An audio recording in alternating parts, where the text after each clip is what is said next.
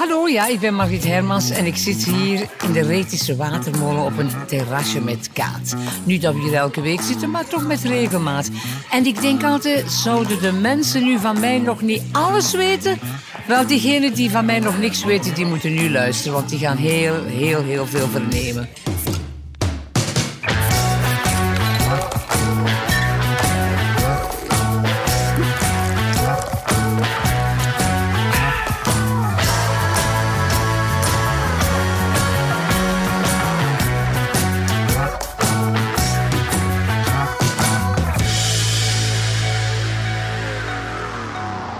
Klonk al veelbelovend. Ik die dacht dat we alles al wisten van Margriet Hermans.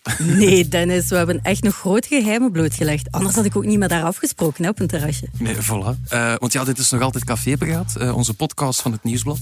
Uh, waarin we elke week met een bekende Vlaming naar zijn of haar favoriete stamcafé gaan. Inderdaad. En met wie doe je dat beter hè, dan met de bekendste bulderlag van Vlaanderen? Ons Margriet.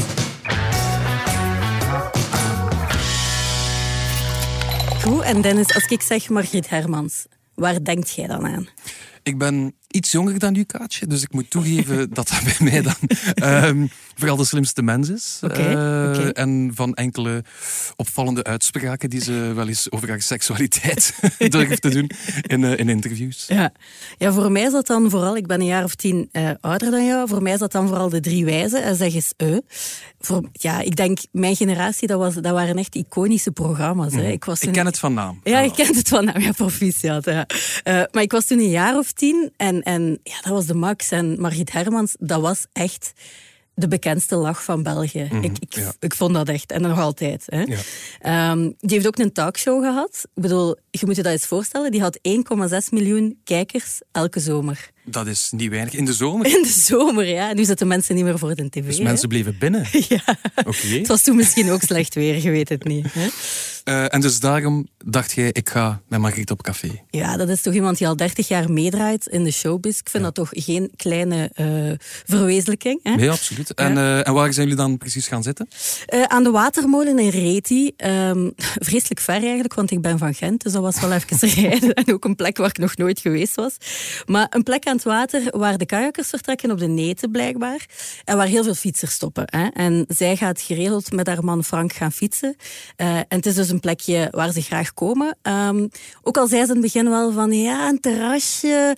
Ik weet toch niet, ik vind dat niet zo voor de hand liggend als BV. Sinds ik bekend ben is dat wat moeilijker. Oei. Ja. Ik zou net denken dat ze toch een type is dat op een terras gaat zitten en is een goed glas. Ja, ja ze, ze, houdt er zeker van, maar ze vindt dat dan vooral een, niet zo tof voor haar man Frank, die er dan zo wat bij zit als de pineut, hè, als de mm. mensen naar haar komen, uh, komen babbelen. Zeg, en ging jij dan wel, voordat je bekend was, ging je wel graag op café? Was je wel zo iemand die daarvan kon ja, genieten? Voor, ja, ja, ja, ik was een, een bruine kroegganger. Ja. Uren filosoferen. Met, vooral met mannen. Want ik vond, met mannen kon eens over wat anders spreken dan vrouwen. Vrouwen hadden op een bepaald moment in hun leven alleen maar over trouwen, een huis bouwen en kinderen hebben. En eerlijk gezegd, that was not my cup of tea. En met mannen kon jij spreken over politiek, over sociaal engagement, over reizen ook nog met vrouwen. Maar doorgaans uh, waren de gesprekken met mannen volgens mij toch wel net iets interessanter. Gelukkig zijn we aan een inhaalmanoeuvre bezig en zijn er veel vrouwen die nu ook leuke dingen te vertellen hebben. Uh, maar soms beseffen ze te laat. Dus, uh, maar ik was wel ja, een bruine kroegganger. Ja, absoluut. In Turnhout hadden we gelukkig sluitingsuur. Dus ik moest om één uur naar huis, willen of niet. Anders kon ik zondags niet uit mijn bed, denk ik.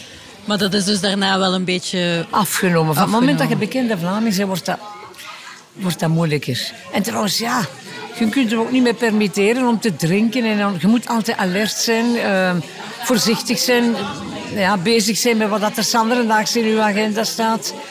Dat is wel uh, belangrijk, ja. Maar straks ga ik toch wel een, een rozeetje drinken, zo. Jawel. Maar het probleem is ook, ik moet rijden. Ik moet rijden. Dat is, want Frank rijdt niet, die is onzeker, had het zuur. Dus jij moet de Bob zijn. Tegen wil en dank. Zeg, ik las ook ergens dat jij zei, uh, ik vind het wel ook een beetje eigenlijk mijn opdracht als BV om sociaal te zijn. Zo, ja. Maar bij mij is een combinatie BV en sociaal. Dus vind ik wel dat je je maatschappelijke, hoe moet ik het zeggen, dat je maatschappelijk toch een rol kunt spelen. En soms tegen wil en dank, hè. Je moet goed beseffen, vind ik, als je een bekende Vlaming bent, dat veel mensen luisteren naar wat je zegt en wat je doet. En je kan die mensen dan choqueren, wat ik soms ook wel doe. Ehm, maar ik vind, je moet wel goed beseffen dat je spreekt voor een generatie. En sommige mensen doen dat niet, dat is hun keuze. Maar ik ben nogal een sociaal dier, dus ik, ja, ik, ik hou daar toch wel rekening mee. Ja. ja. Ik ga niet zomaar ondoordacht dingen zeggen. Ik kan mij wel kwaad maken in iets. Uh, en soms zeg ik ook wel dingen ondoordacht. Hè. Maar dan blijkt dat achteraf niet meer. Maar ik vind bijvoorbeeld mensen die zich niet laten vaccineren, dat is hun keuze. Maar die moeten niet naar massa-evenementen gaan. En dan zeggen ze, ja, maar dat is discriminatie. Nee, dat is geen discriminatie, dat is bescherming voor uzelf. Die mensen moeten wel een test ondergaan, sorry hè. Want ene mens kan andere mensen die ook niet gevaccineerd zijn, allemaal aansteken. Hè? Dus ik kan alleen maar tegen iedereen zeggen, laat u wel vaccineren, wees verstandig.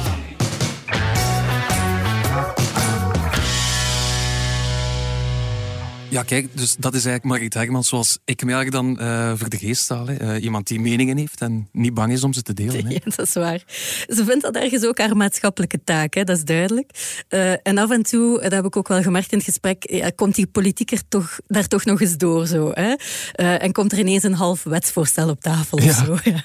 ik, ik, was eigenlijk al vergeten, zij heeft ooit in de politiek gezeten. Ja, tien jaar lang. Hè. Ja. zij is volksvertegenwoordiger geweest. voor Open VLD Vivant, toen zelfs nog in het begin. Ik weet niet dat dat iets is wat jij nog Ver voor mijn tijd, maar oké. Eh, maar ze deed dat heel graag. Ehm, en dat was voor haar echt zoiets waar dat ze het verschil mee uh, wilde maken. En het is ook wel iets waar dat duidelijk nog wel wat oud zeer zit. Ja, ho hoezo dan? Ja, de manier waarop dat ze afscheid heeft moeten nemen. Uh, goh, dat het niet om inhoud ging, maar om populariteit.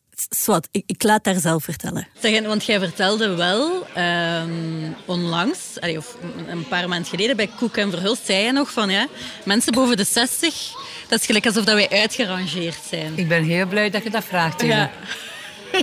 Vertel eens. Ja, omdat uh, bij heel die corona zijn eigenlijk de 60-plussers zo eens met neus op de feiten gedrukt dat wij lastverkopers zijn, dat wij de zwakkelingen van de maatschappij zijn, dat ze ons liever kwijt zijn dan rijk, want wij waren de coronaverspreiders en gingen er allemaal van dood.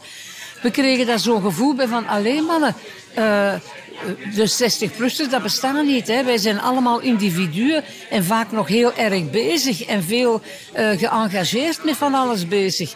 Dus nu ben ik ook, dat is nog zoiets dat eraan komt, uh, heb ik mij geëngageerd om woordvoerder te worden, maar dat gaat pas in vanaf 1 september met een, een, ja, hoe moet ik dat noemen, een bedrijfje. En die heette Sex, Sixies. Sixies. S-I-X-I-E-S. Je kunt het al googlen. Ja. Van de zestigers. Ja. ja, en dat is eh, eigenlijk een werkgeversbureau, als ik dat zo mag zeggen. Een werkbemiddelaar voor, voor mensen met ervaring die zeggen van... Allee, ik, heb ik, zoveel, ik geef nu bijvoorbeeld de winnen. van tv ook. Hè. Um, Linda. Ja, Linda, Linda de Win. Ja. Linda de Win die heeft ook zoveel ervaring. Dat stopt. Maar die kan best voor bedrijven of voor andere zaken heel goed opzoekwerk en misschien visueel opzoekwerk doen. Uh, zonder die hoge tijdsdruk te hebben. Met een lager inkomen, weet ik veel wat, maar rustig op haar gemak. En dus dat is eigenlijk hetgeen waar die mensen naar zoeken. Maar mensen met ervaring die in de bedrijven nog kunnen ingeschakeld worden, maar op een klein schakeltje minder. Ja. Had jij dat gevoel dan op het moment dat jij 60 plus ook werd? Of, ja, of met pensioen ging dat zo was van... van het hoeft allemaal niet meer, die mag met pensioen. Hè. Ik had dat ook in de politiek. Ik vond dat verschrikkelijk. Ik was niet meer herkozen. Ik ben daar ziek van geweest. Dat is hetgeen in mijn leven waar ik het ziekste van geweest ben. Dat was dat ik van tevoren al wist, ik ga niet herkozen staan, want ik, ik ben op de vierde plaats. Ik moest mijn plaats ruimen voor iemand anders, de derde plaats. En, uh, en ik wist van tevoren, ik ga niet verkozen zijn. En dat vond ik zo erg dat niemand binnen die partij het voor mij opnam. Niemand. Die dachten, oh, we pakken een jong dingetje en daar gaan we mee scoren. En dan dacht ik, oh, een bende onnozelaars. Ze hebben dus helemaal niet gescoord, wat ik van tevoren al wist. Ja. De Vlaming is niet zo dom dan die politici, hè? Sorry, hè? Dat is waar. Ah. en uh, is dat echt dat je zegt van ik ben er het ziekste van geweest omdat je dat zo graag deed? Of, ja, of, waarom? ik deed dat heel graag. Ik was er bijzonder. Ik heb me daar echt in gebeten en heel hard in gewerkt, dag en nacht. Heel veel van mijn privéleven opgeofferd daarvoor. Hé, schatje? En uh, ook voor Serien was dat altijd niet aangenaam. Die is op internaat moeten gaan omwille van die reden en zo. Nu, dat was niet zo'n slechte keuze, hè. pas op. Internaat is niet meer wat dat was. Maar toch een heel stuk van mijn privéleven is daarbij ingeschoten. Ik heb daar veel tijd in gestoken. En niemand van die partij de enige die gereageerd heeft en gezegd heeft... Margriet, als je behoefte hebt aan een gesprek, dat is Herman de Croo. En dat heb ik bijzonder gewaardeerd, maar voor de rest niemand. Niemand. Dan denk ik, kom jongens. En is dat typisch politiek? Blijkbaar. Maar dat is ook typisch showbiz, hè? Ja, ah, wel, ja. Eén keer van, dus, van, van beeld af is het gedaan, hè? Ja. Uh, of één keer uit de rotatie, om het zo te zeggen, is het gedaan, hè? Tenzij dat je een heel specifiek persoon bent, dat je op die momenten dat je dan de kans krijgt nog eens goed scoort. Hè? Want ik zeg bijvoorbeeld, Jacques Vermeijren, toen hij 70 was, was een beetje een overbelichting. Vond ik persoonlijk, als ik Jacques geweest was, had ik dat niet gedaan. Ik had gekozen voor één zender en niet voor drie. Uh, maar dat zijn wel kapstokken waar dat je eens terug zelf van kunt genieten en, en je terug kunt profileren. Hè? Ja. Ja, en anders hang je heel erg af van iemand, allez, of van, ja, ja, van, van de goodwill van iemand die doorheeft van hé, hey, daar loopt misschien toch nog iemand rond die wat kan. Ja. Ik moet zeggen, dat klinkt nu heel raar, maar ik heb heel mijn, als ik dat woord, ik gebruik het niet graag, hè, maar mijn herschittering, om het zo te zeggen. Revival. Oh ja, revival. Oh, dat is een beter woord. Ja, want de comeback, alstublieft, dan denk nee, ik aan... je bent nooit weg geweest, hè? Niet echt. En, en ook dan denk ik aan, aan, aan, aan de lieve vrouwentoren daar, hoe heet ze? Onze lieve vrouwentoren, hoe heet ze? Luisterel. Dan denk ik al, luisterel, als zeg, sorry zo. Nee, nee, maar ik heb dat eigenlijk te danken aan Mark Marie. Hebrecht. Ja. ja. Die, die ik nog ken van vroeger in, ne in Nederland. Ik ben ook in zijn talkshow vroeger nog te gast geweest. En ik, dat klikte wel. Ik vond dat wel een hele bijzondere, leuke jongen. En die zei toen uh, bij uh, de, de, redactie van De Slimste Mens... Ze waren op zoek naar vrouwen. En hij zei, nou, nou dat jullie Margriet Hermans nog niet gevraagd hebben, zei je. Dat begrijp ik niet. En toen dacht Erik, ja, ja, ja, ja waarom niet? Hè? En dan ben ik daar zo in terug terechtgekomen. En ja, van het ene komt het andere. En ja, maar leuk. Ik, vind, ik geniet ervan, echt wel.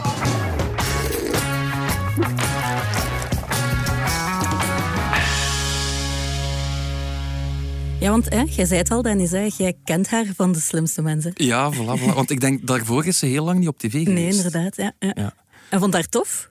Ik vond haar tof. Ik vond haar eigenlijk een van de weinige juryleden dat daar duidelijk zonder scenario zit of zo, of, of niets voorbereid. Ja. Uh, heel spontaan. Ja, dat is haar sterkte, hè? dat hij gewoon overal authentiek zichzelf is, zonder ook maar stil te staan met, Ja. bij het feit wat de mensen over haar zouden, eh, zouden kunnen denken. Ook een beetje luid. Aanwezig, zeker Aanwezig, aanwezig. maar op ja. een goede manier. Ja, op een goede manier. Ik eh, herinner mij van ja, onze collega's die zo tv-shows bespreken, ehm, ja, dat zij wel er altijd hebben uitgepikt als een van de goede factoren van de slimste mens, dat zij de boel daar wel ja, draaiende houdt eigenlijk. Ja, echt. Ik denk dat er letterlijk in stond van ja, Margriet steelt weer de show met haar verhalen. Mhm. Eh, ja, en ik vond dat ook. En voor mij was dat eigenlijk geen verrassing eh, dat ze daar door het publiek weer zo wat in de armen is gesloten. Eh, ik denk dat iedereen, ook kijkers, gewoon wel eens blij waren met iemand die gewoon verfrissend eh, zichzelf was. Ja, sinds die passage in De Slimste Mens als, als jurylid... Ja, ik had ook wat recensies gevonden waar dat jij toch altijd zo wel werd bewierookt. Ook als degene die de show had gestolen en zo. Dat moet toch wel Dat was heel leuk, zijn, ja. Ik denk, tja, ik mag terug mezelf zijn, joepie. In de politiek moet je zelf wegcijferen en wordt in één keer een... Dat is raar, als je een politieke kleur wordt, krijgt, dan worden in Vlaanderen te mijden. Misschien of dat je een, een een of andere venerische of infectieuze ziekte, besmettelijke ziekte hebt. Jij had al corona voordat corona bestond Ja, echt wel. hè? Ja, echt wel. De corona-angst van het moment dat ik ergens kwam was... Oh, die is nu in de politiek, hè. Terwijl, ja, dat is een, de politiek is een heel belangrijk aspect van ons leven. En ik vind diegenen die dat willen doen, chapeau. Ik heb daar alleen maar respect voor. En daar zitten er ook bij die die zo goed scoren. Maar die krijgen vaak ook geen kansen. Ik zie dat nu ook bij de, bij de nieuwe eh, SPA, bij de Vooruit. Daar komen jonge mensen naar voren die echt wel talentvol zijn. En dan denk ik, kom aan, stop er toch mee met mensen zo af te breken. Met vooroordelen. Maar dat wordt vaak door uw eigen partij eh, veroorzaakt. In ieder geval, van dat besmettelijk personage ben ik in één keer eh terug besmettelijk geworden. Maar op een andere manier. Goed die, die, toch wel, voilà, die toch wel leuker is. Ja, ja, ja. Ineens willen mensen eh, graag samen iets doen eh, weer met, eh met Margriet. Ik zat gisteren toevallig eh, ik moest zo een belachelijke opdracht, maar ik vond het wel best grappig om eens mee te maken. Ik moest die plaatjes aantikken bij die letters van de Rad van Forte. Ja. Peter van der Weijden. En op een bepaald moment uh, was de vraag, want uh, ik, ik, ik, ja, ik zit natuurlijk niet zoveel voor tv, om niet te zeggen bijna nooit. En, uh, of tenzij in functie van. En hij zei op dat moment, ja, ik ga u één hint geven. De persoon die we zoeken is de van Vlaanderen. Die Piet Margriet Hermans zei die direct. Ik denk, allee, dat, ik dat, dat dat mijn referentiepunt is. Wel, ik heb liever dat dan, dan ja. dat je die van thuis die altijd zitten schreeuwen. Daar. Marleen Merks. Ja. Simonneke. Nee, Simonneke. Simonneke. Simonneke. Ja, ja, zeg maar, en, en heb je dan nou wel dat gevoel dat je zo, als je in de politiek zat, wel een deel van jezelf wat moest wegsteken? Helemaal. Ja, niet... Uh, Helemaal, ja, absoluut. En als er, als er een receptie was waar ik vroeger heel welkom was, dan voelde ik nu zo dat, dat ze niet goed wisten Hè? Ja, het is niet omdat ik mij uitsprak voor een liberale partij dat ik begin CD&V's op te eten. Hè? Ik bedoel, waar zijn we nu mee bezig? Het blijft wel menselijk, denk ik. We zijn geen vijanden. Hè? Je moet samen naar een regering. Hè?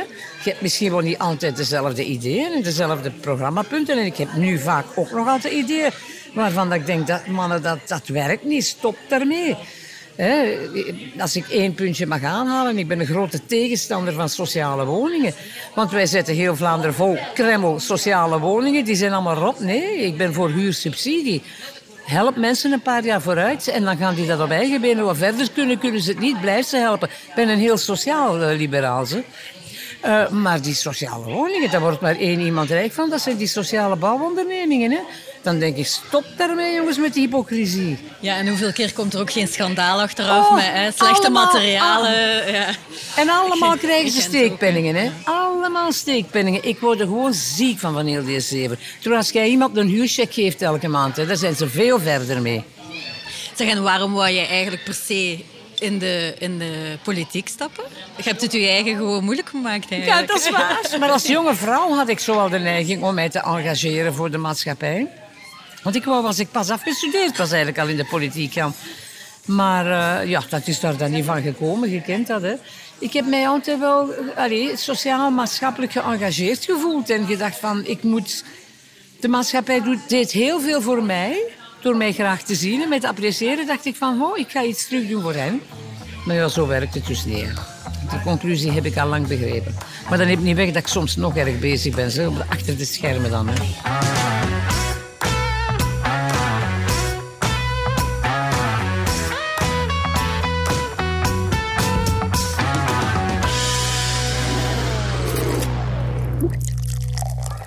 Ik wou het ook nog even met jou hebben over... Eh, jij staat inderdaad, je, je, haalt het net zelf aan. Van, ik kan soms wel eens onderdacht zijn of ik spreek mijn... Eh, maar jij staat zoals synoniem oprecht en uitbundig en, en onverbloemd. Zo, Ja, soms ben ik wel dooslippig en dan zegt men echt... mijn schatje, hoe heb je dat weer geformuleerd?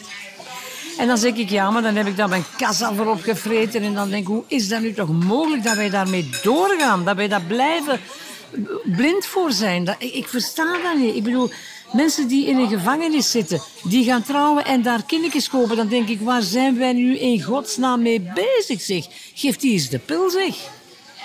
Die, moet, die mogen voor mij, hè. Zoveel vogelen dat ze willen in het gevangen. Dat kan me geen bal schillen. Hè.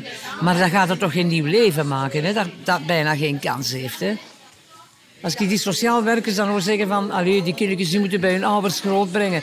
Dan denk ik, jongens, wees realistisch. Ga eens met je voeten op de grond staan. Ik ben ook niet om kinderen af te nemen van ouders. Hè. Helemaal niet. Maar je moet zorgen dat die ouders dan op dat moment geen kinderen kunnen krijgen. Zo eenvoudig is het. Je zet wel een, levende, een levend wezen op de wereld. Hè. ik weet het, schatje. Ik moet dat weer...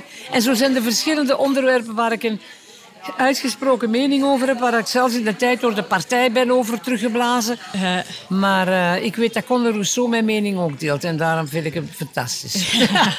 en ondertussen, want dat, dat, las ik ook, dat de, dat de echtgenoot dan af en toe onder tafel stampen geeft. Oh, Riet, ja, dat is alsjeblieft. Ja. maar van waar komt dat? Je bent ook over jezelf complexloos, hè? taboeloos. Jij zegt, jij vertelt van alles dat mensen dan oh, grote ogen trekken, maar van waar komt dat, denk je? Ik denk dat nu nog steeds mensen zich veel te veel laten inpakken door de media. Je moet u daar een beetje tegen wapenen. Durf nu toch eens uzelf zijn, potverdorie. Kruip niet altijd onder wat een ander zegt. Dat houden niet vol leven lang. Ik ben ook door een crisis gegaan. Hè? Ik heb ook jaren, eh, hoe moet ik het zeggen, mezelf weggecijferd en gedacht van ik moet in het gareel lopen zoals alle vrouwen of zoals alle... Maar dan heb ik een heel zware depressie gekregen toen ik uh, 30 was, 29, 30. En ik heb, daar ben ik uitgekomen, gelukkig, want dat is de hel. En dan maken nog andere mensen mee en die weten dat dat de hel is. Maar als je daaruit geraakt, met of zonder hulp van anderen, meestal met, dat is de catharsis in je leven. Dan, dan zeg je, ik laat mij niet meer leven. Ik weet dat de manier waarop ik nu de zaken zie, dat dat gemakkelijk acceptabeler is en een verrijking is in plaats van altijd een beknotting. Je mocht jezelf niet beknotten. Je mocht jezelf alleen maar beknotten als je anderen pijn doet of anderen tekort doet. Dan moet je jezelf beknotten en in de hand houden. Maar zolang dat je andere mensen een plek in de wereld gunt, moet u zelf zijn. Verdomme, kom uit voor uzelf. Wees uzelf ook. En wees eerlijk. Dan weten ze tenminste wat ze aan u hebben. En dan weten we wat je aan uzelf hebt. Ja. Dat is mijn filosofie. Hè. En zit jij dan nooit in met wat mensen denken over u? Nou, daar heb ik jaren mee ingezeten. Jaren. Maar uiteindelijk kun je dat toch niet veranderen. Mensen hebben een bepaald imago of een bepaald beeld van u en dat veranderde niet. En ik merk hoe zalig ook dat heel veel mensen mij volgen. Ik vind dat geweldig. Heel veel mensen volgen hetgeen wat ik zeg en zeggen van ja, eigenlijk Margriet, vind ik dat ook. Ja. En dat steunt mij dat. En dan denk ik, geweldig. Al zijn er maar tien mensen die begrepen hebben wat ik wil zeggen, dan heb ik tien zielen waarvan ik denk, oké, we are kindred spirits. Vind je het jammer dat er ook inderdaad niet meer zo bekende koppen zijn die... Oh, ik vind dat zo leuk dat bekende mensen die alleen bekend zijn en nooit eens een stelling innemen of nooit iets zeggen. of een verkeerde. Dan denk ik, alleen mannen, come on, come on. Nu, de meeste bekende mensen, echt bekende mensen die populair zijn, hebben wel een mening. Ik ben er zeker van dat Karin Dane iemand is met een mening. Daar ben ik heel zeker van. Maar ze zal misschien wel opletten om ze te vertellen, voilà. is die hier in ja. ja. En ze zal misschien ook niet vertellen dat ze last heeft van vaginale droogte. En oh ja? dat was... ah, maar je moest eens weten hoeveel mensen daarop gereageerd hebben van vrouwen. maar dat is een groot probleem. Hè? En dat is een enorm probleem, want ik dacht dat ik er alleen mee zat. En nu heb ik ontdekt dat half de menopausevrouwen daarmee zitten. En dat dat echt een probleem is wat je iets aan moet doen of je seksleven loopt droog, bij wijze van... Ja, maar het is een symbolische manier van spreken. Kom aan. En dat kan toch niet? Ik bedoel, maar dat mag niet. Ik vind dat zo sprekend dat jij dat dan zei, die dat zo gewoon... en dan tegen... echt, echt je het al met zijn ogen rollen. Ja, ja, ja. Dat was ook weer, ja.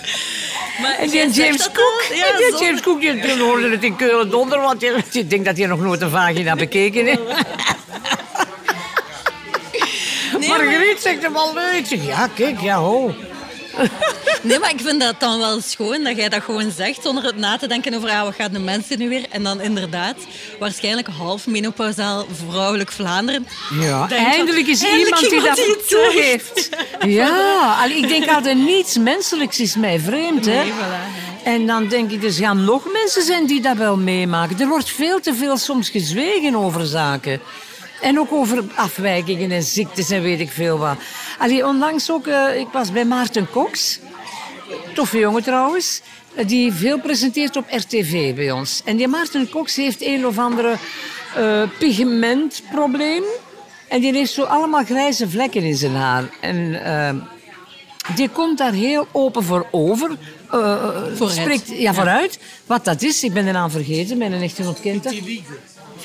Ja. Wat, wat, Michael Jackson eigenlijk ook Blijkbaar, dat wat zeggen Michael ze. Jackson ook had, hè? Ja, ja dat ja. toch gezegd, hè? Ja, ja. Maar hij heeft dat dus ook. En ik vind dat heel tof dat die jongen daar tenminste eerlijk vooruit komt. Zijn haar niet meer verft, weet ik veel wat. Want, zegt hij, je zou eens moeten weten hoeveel mensen dat hebben... die daar nooit een woord over durven zeggen. En dan denk ik, ja, ik vind dat moedig. Want je helpt misschien andere mensen om, om de stap te zetten om het te aanvaarden, al bij zichzelf, dat ze niet alleen zijn. Hè?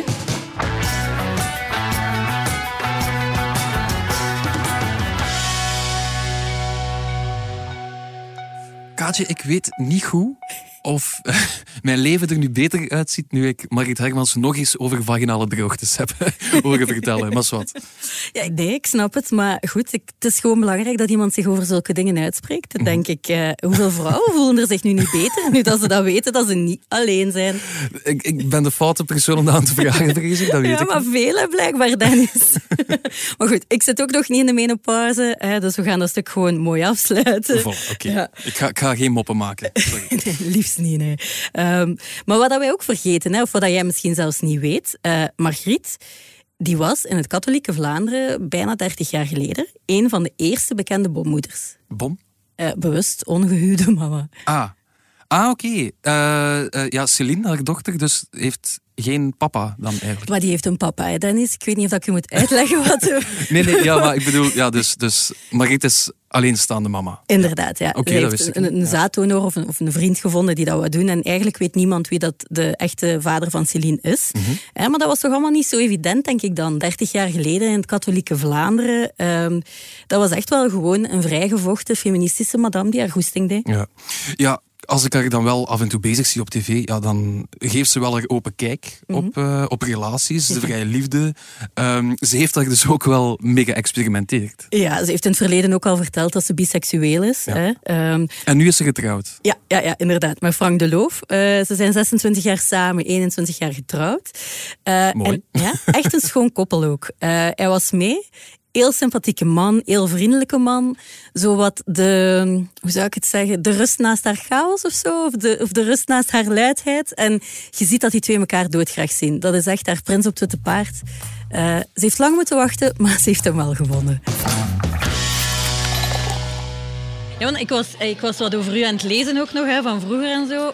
En eigenlijk, wij, of mijn generatie vergeet dat misschien een beetje. Maar eigenlijk waren jij een van de eerste bommoeders. Ook. Ook, hè? Ja, en, ja, ja. ja, ja. Ja, nu, vinden wij dat allemaal vrij normaal, maar in die periode kan ik me voorstellen dat dat toch niet zo voor de hand Wel, liggend de kritiek kwam vooral uit de rechtse hoek. Ja. Uit de Vlaams Belangenhoek. Ah, oké. Ja, ja, dus uh, dat kan toch niet dat vrouwen alleen... Uh, nou, dat zijn niet zo'n vrouw geëmancipeerde mannen, hè, dat Nee, weten. nee. Dat is het klikje die eigenlijk even ouderwets zijn als de moslims. Hè, bij wijze van ja, ja. voilà. Dus uh, daar kwamen niet te veel positieve woorden van. Maar voor de rest moet ik zeggen, ja? Vlaanderen heeft dat eigenlijk vrij goed aanvaard. En dat vond ik fantastisch. I love Vlaanderen. Ik zeg het nog, de Vlamingen zijn eigenlijk echt wel verstandige mensen. Ja. Ja. En, En er zitten ook- er natuurlijk wel een paar lullen tussen, maar die uit overal. Hè. En Maar- ook thuis, want ja, jij Ja, kwam toch ik ook niet uit een grote mijn- stad of zo? Allee. Nee, maar ja, het is nu niet zo achterlijk. maar mijn moeder die zei, ja, maar Grutje, zegt ze, mijn, ik moet zeggen, ik had een heel progressieve ouders. Maar Ik had heel progressieve ouders in die zin van, als je dat goed overwogen hebt en je wilt dat doen. Mijn moeder zei, weet goed dat dat niet gemakkelijk gaat zijn, maar dat geloof ik als jonge mens toch niet. Hè? Je denkt, dat jeukje nu, dat is toch het zaligste wat er is en je gaat daar toch voor. Dus, eh, maar ik had vrij progressieve ouders op dat gebied, jawel. En dat is natuurlijk wel anders als je daar met hen eerlijk open over kunt spreken. Eh, jawel, mijn ouders waren, waren heel tolerant, ook naar andere mensen toe. Ik heb eh, heel goede ouders gehad. Ja. Ja. Maar eigenlijk wa- was jij wel zo'n beetje een feministe, toch? Ja, en ik zo was thuis ook een buitenbeentje. Ehm, want ze hebben het met mij niet gemakkelijk gehad. Al de rest liep iets gemakkelijker in het gareel. Ja. Eh, maar ik heb het ook niet gemakkelijk gehad. Hè. Mijn leven was ook niet gemaakt om eh, mannetje, tuintje, vrouwtje, kindje, eh, huisje. Ik wist al direct dat dat, dat dat bij mij niet ging zijn. Ik had ook het uiterlijk niet mee. Hè. Om, eh, om het gemakkelijk te maken. Hè. Ja. Door mijn uiterlijk werd het mij ook niet gemakkelijk gemaakt. En toch wilde ik mijn plaatsje opeisen in die maatschappij. En dat moet iedereen durven. Hoe dat je er ook uitziet. Vraag uw klein territorium op deze plek van de wereld. Je hebt daar recht op. Je hebt daar recht op. Je zit erop gezet. Dat heb je zelf niet gevraagd. Dus vecht voor uw plek. Maar je hebt wel de liefde van je leven gevonden. Ja, echt wel. Oh, hij is moe. Ik zie het, er zit een beetje hem. Echt wel. Maar je ziet hè, dat je soms niet hals over kopjes moet doen. Hè. Lang genoeg wachten en dan... Want hoe lang zijn jullie nu samen? eh 26 jaar. En, en we zijn nu 21 jaar getrouwd. En we zijn in 2000 getrouwd. Ja. Ik heb dat speciaal gedaan omdat dat gemakkelijk te onthouden. Nee, dat is niet waar. Joke, joke. Zeg, en is dat dan een voordeel? Hè? Want je zei onlangs was je ook aan het vertellen dat je daarvoor wat liberaler was in je liefdesleven. Hè? Dat Bij klopt Kat, wel. hè? Maar ik was liberaal in mijn liefdesleven, maar ik ben nooit eigenlijk ontrouw geweest aan de partner die ik had. Maar als ik geen partner had, ja, dan... eh, Ja, tegen wie moet je verantwoording afleggen? Tegen niemand ook. Voilà. Ah, ja, voilà. dan heb ik niet zo dikwijls nee gezegd. Ja. Maar... Tenzij dat ik dacht van, oh, ja. Moest natuurlijk wel een beetje een goesting zijn, hè. Maar is dat dan het voordeel van toch, wel, eh, zoals dat je ook zegt, niet te rap een keuze te maken? Wat langer kunnen rondkijken, dat op het moment dat je dan echt de liefde tegenkomt, dat je het ook herkent ik, of zo? Ik vind altijd, maar instinctief doe je dat toch, hè, maar engageer je niet te snel.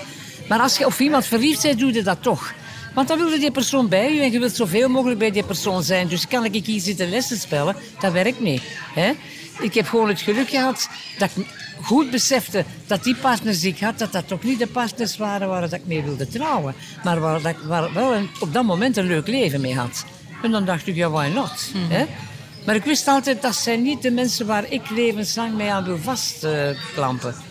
dus ik heb dat altijd wel uitgesteld.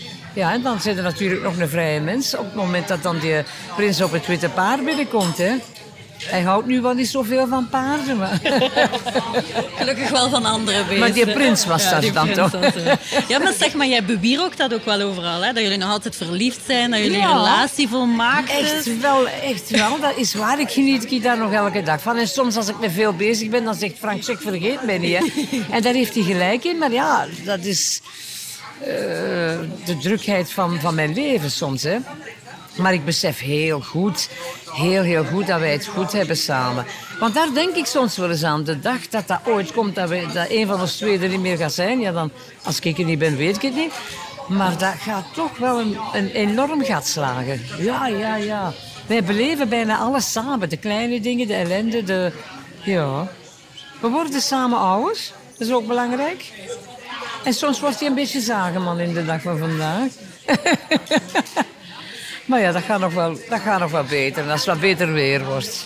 En wat is, kan je dat zeggen? Wat is voor u het geheim van een lange, eh, standvastige, gelukkige ik, denk, relatie? ik denk dat je echt het... Ja, dat is raar, hè? Maar niet proberen te veranderen. Veranderen. Goed, Ja. schatje, dat is zo belangrijk. Elkaar niet proberen veranderen. Als je echt verliefd bent, dan probeer je dat niet. Maar je mocht die verliefdheid, die chemie van de verliefdheid, gaat na een paar maanden over en verandert in liefde. En dan begin je elkaar te bekijken van, ja, ik zou dat zo niet doen en zo niet doen. Maar dan moeten die niet veranderen. Zeg het gewoon van, ik zou dat zo niet doen, maar probeer dat niet te veranderen, want dat lukt niet. Je kunt iemand niet kneden en veranderen. Mannen denken dat soms van jonge meisjes, hè. Ja. We pakken een jonge vrouw, die kneden we wel. Maar na tien jaar heeft die jonge vrouw dat door en dan is ze weg, hè. Dat is waar, ja. Zo werkt dat dus niet. Hè. Eh, die hebben ook hun persoonlijkheid. Maar natuurlijk, jonge meisjes weten nog niet goed wat dat ze met leven willen. En die zijn heel blij dat er een partner is die hen een beetje begeleidt. Maar van het moment dat je begint te kneden en die voelen dat, ja, dan is het gedaan. Hè. Je moet elkaar die vrijheid gunnen. En daarmee bedoel ik niet de vrijheid eh, weggaan en uitgaan. Dat niet. Die vrijheid is uzelf zijn binnen die relatie. Dat is heel belangrijk. Met slechte en goede momenten.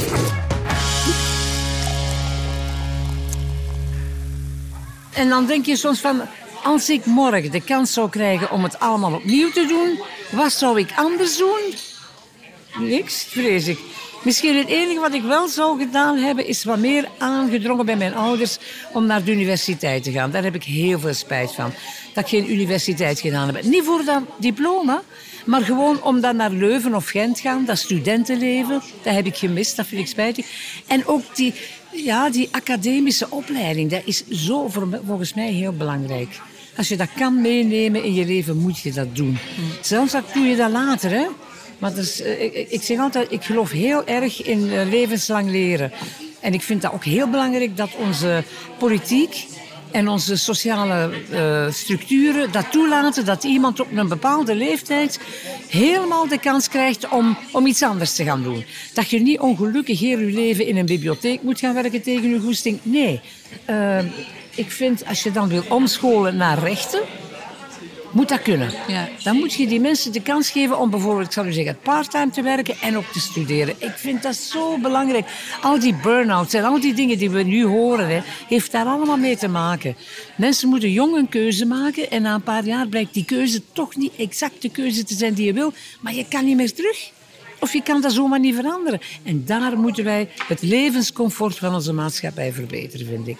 Nu ben ik weer aan het filosoferen. Hè, maar Maar dat heb je eigenlijk, jij hebt dat eigenlijk zelf gedaan. Hè? Je hebt eigenlijk jouw heb- leven toch echt iedere keer over een andere heb- boeg gesmeten. Absoluut. Hè? Ik heb, ja, en ik heb daar echt een beetje van geprofiteerd om dat te doen. Omdat, dat- omdat ik dat zo belangrijk vind. Zappen is zo belangrijk in uw leven. Niet in uw huwelijk, hè. Maar het gebeurt helaas ook veel, hè. Het gebeurt ook. Ja, ja, omdat ze soms ook... Onze eigen dochter, hè, die is ook veel te jong getrouwd. Eh, maar zappen is soms gezond, hè. Zo is iets anders, een anders, een, een zijpaadje inslaan en dat is proberen. Het moet ook een beetje in de naast van het beest zitten, hè. Want ik zeg nog, er zijn mensen die perfect gelukkig zijn met een keuze en een job en dat voor de rest van hun leven doen. Die hebben daar geen probleem mee, maar dat was niet mijn keuze. Ja. Jij had dat nodig om gelukkig te zijn, om een keer te kunnen. Het, het, het- gewoon het feit dat we nu in een maatschappij leven waar zoveel kan, moet je dat ook benutten. Oh, dat is zo belangrijk in je ontwikkelingsfase. Ook in een oude dag. Eh, ik, ik vind het vreselijk als ze zeggen... Ik hoor soms van jonge eh, van collega's, gepensioneerden... die een cursus filosofie aan het volgen zijn. En dan hoor ik jonge mensen zeggen... Wat zit hij nu nog te studeren? Allee, die gaat filosofie... Allee, come on, dat kan de rijkdom van haar en of zijn en oude dag zijn. Laat die mensen toch doen, moedig ze aan. Ik vind dat zo'n verrijking om dat te doen. Goh, ik zou je dat direct doen. Ja. Ik meen dat. Ik meen het. Als je de tijd had. Als ik de tijd zou hebben. Hè. Maar ik, ik, heb, ik heb nooit tijd, want ik voel altijd alles van alles in.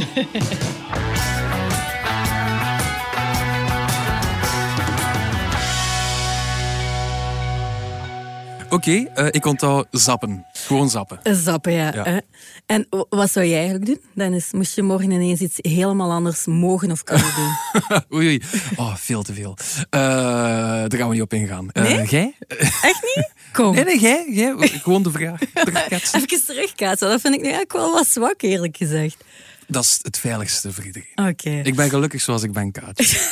ik ben hier gelukkig met jou. Oh, En met, met ons pintje. Oké, dat is heel tof. Eh, ja, ik ook eigenlijk. Ik heb tien jaar geschreven en nu zijn we podcasts aan het opnemen. Dus ik denk dat ik al een klein beetje gezapt eh, heb. Voilà. Eh, dus voorlopig zit je gewoon nog met mij opgescheept, vrees ik. Ik vrees al zoiets, maar kijk.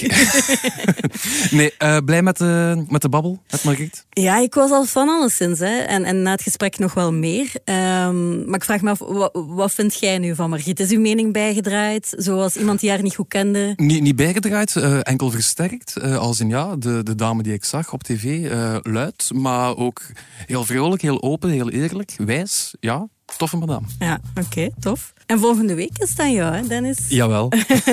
En als ik het goed heb, dan gaan we naar jouw hometown. Je, je ziet me al lachen. Ja, ja, Ja. we gaan naar het mooie, idyllische Sint-Niklaas. eh, waar ik van ben en van waar eh, Alex Calier ook is. Dus ik ga samen met Alex Calier van Hooverphonic, van The Voice, van het Songfestival, noem maar op. eh, naar een café waar ik nog getapt heb. Oké, Ja. dus onze luisteraars mogen zich ook eh, voorbereiden op heel wat Waalse klanken. Heel wat Waalse klanken, ja. Eh, dat klonk eerder Limburgs, maar dus ja, veel platte a's. Ja, Goed, iets om naar uit te kijken. Tot dan, Dennis. tot de nochten.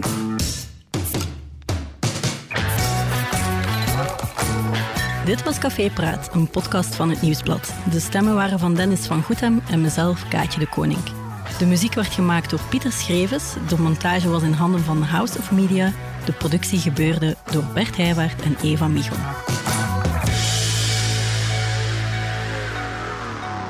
Heb je de andere podcasts van het Nieuwsblad al ontdekt? Stemmen van Assise, dat is onze crimi-podcast. Zij brengen deze zomer een spannende reeks over moordverhalen in België van 100 jaar geleden.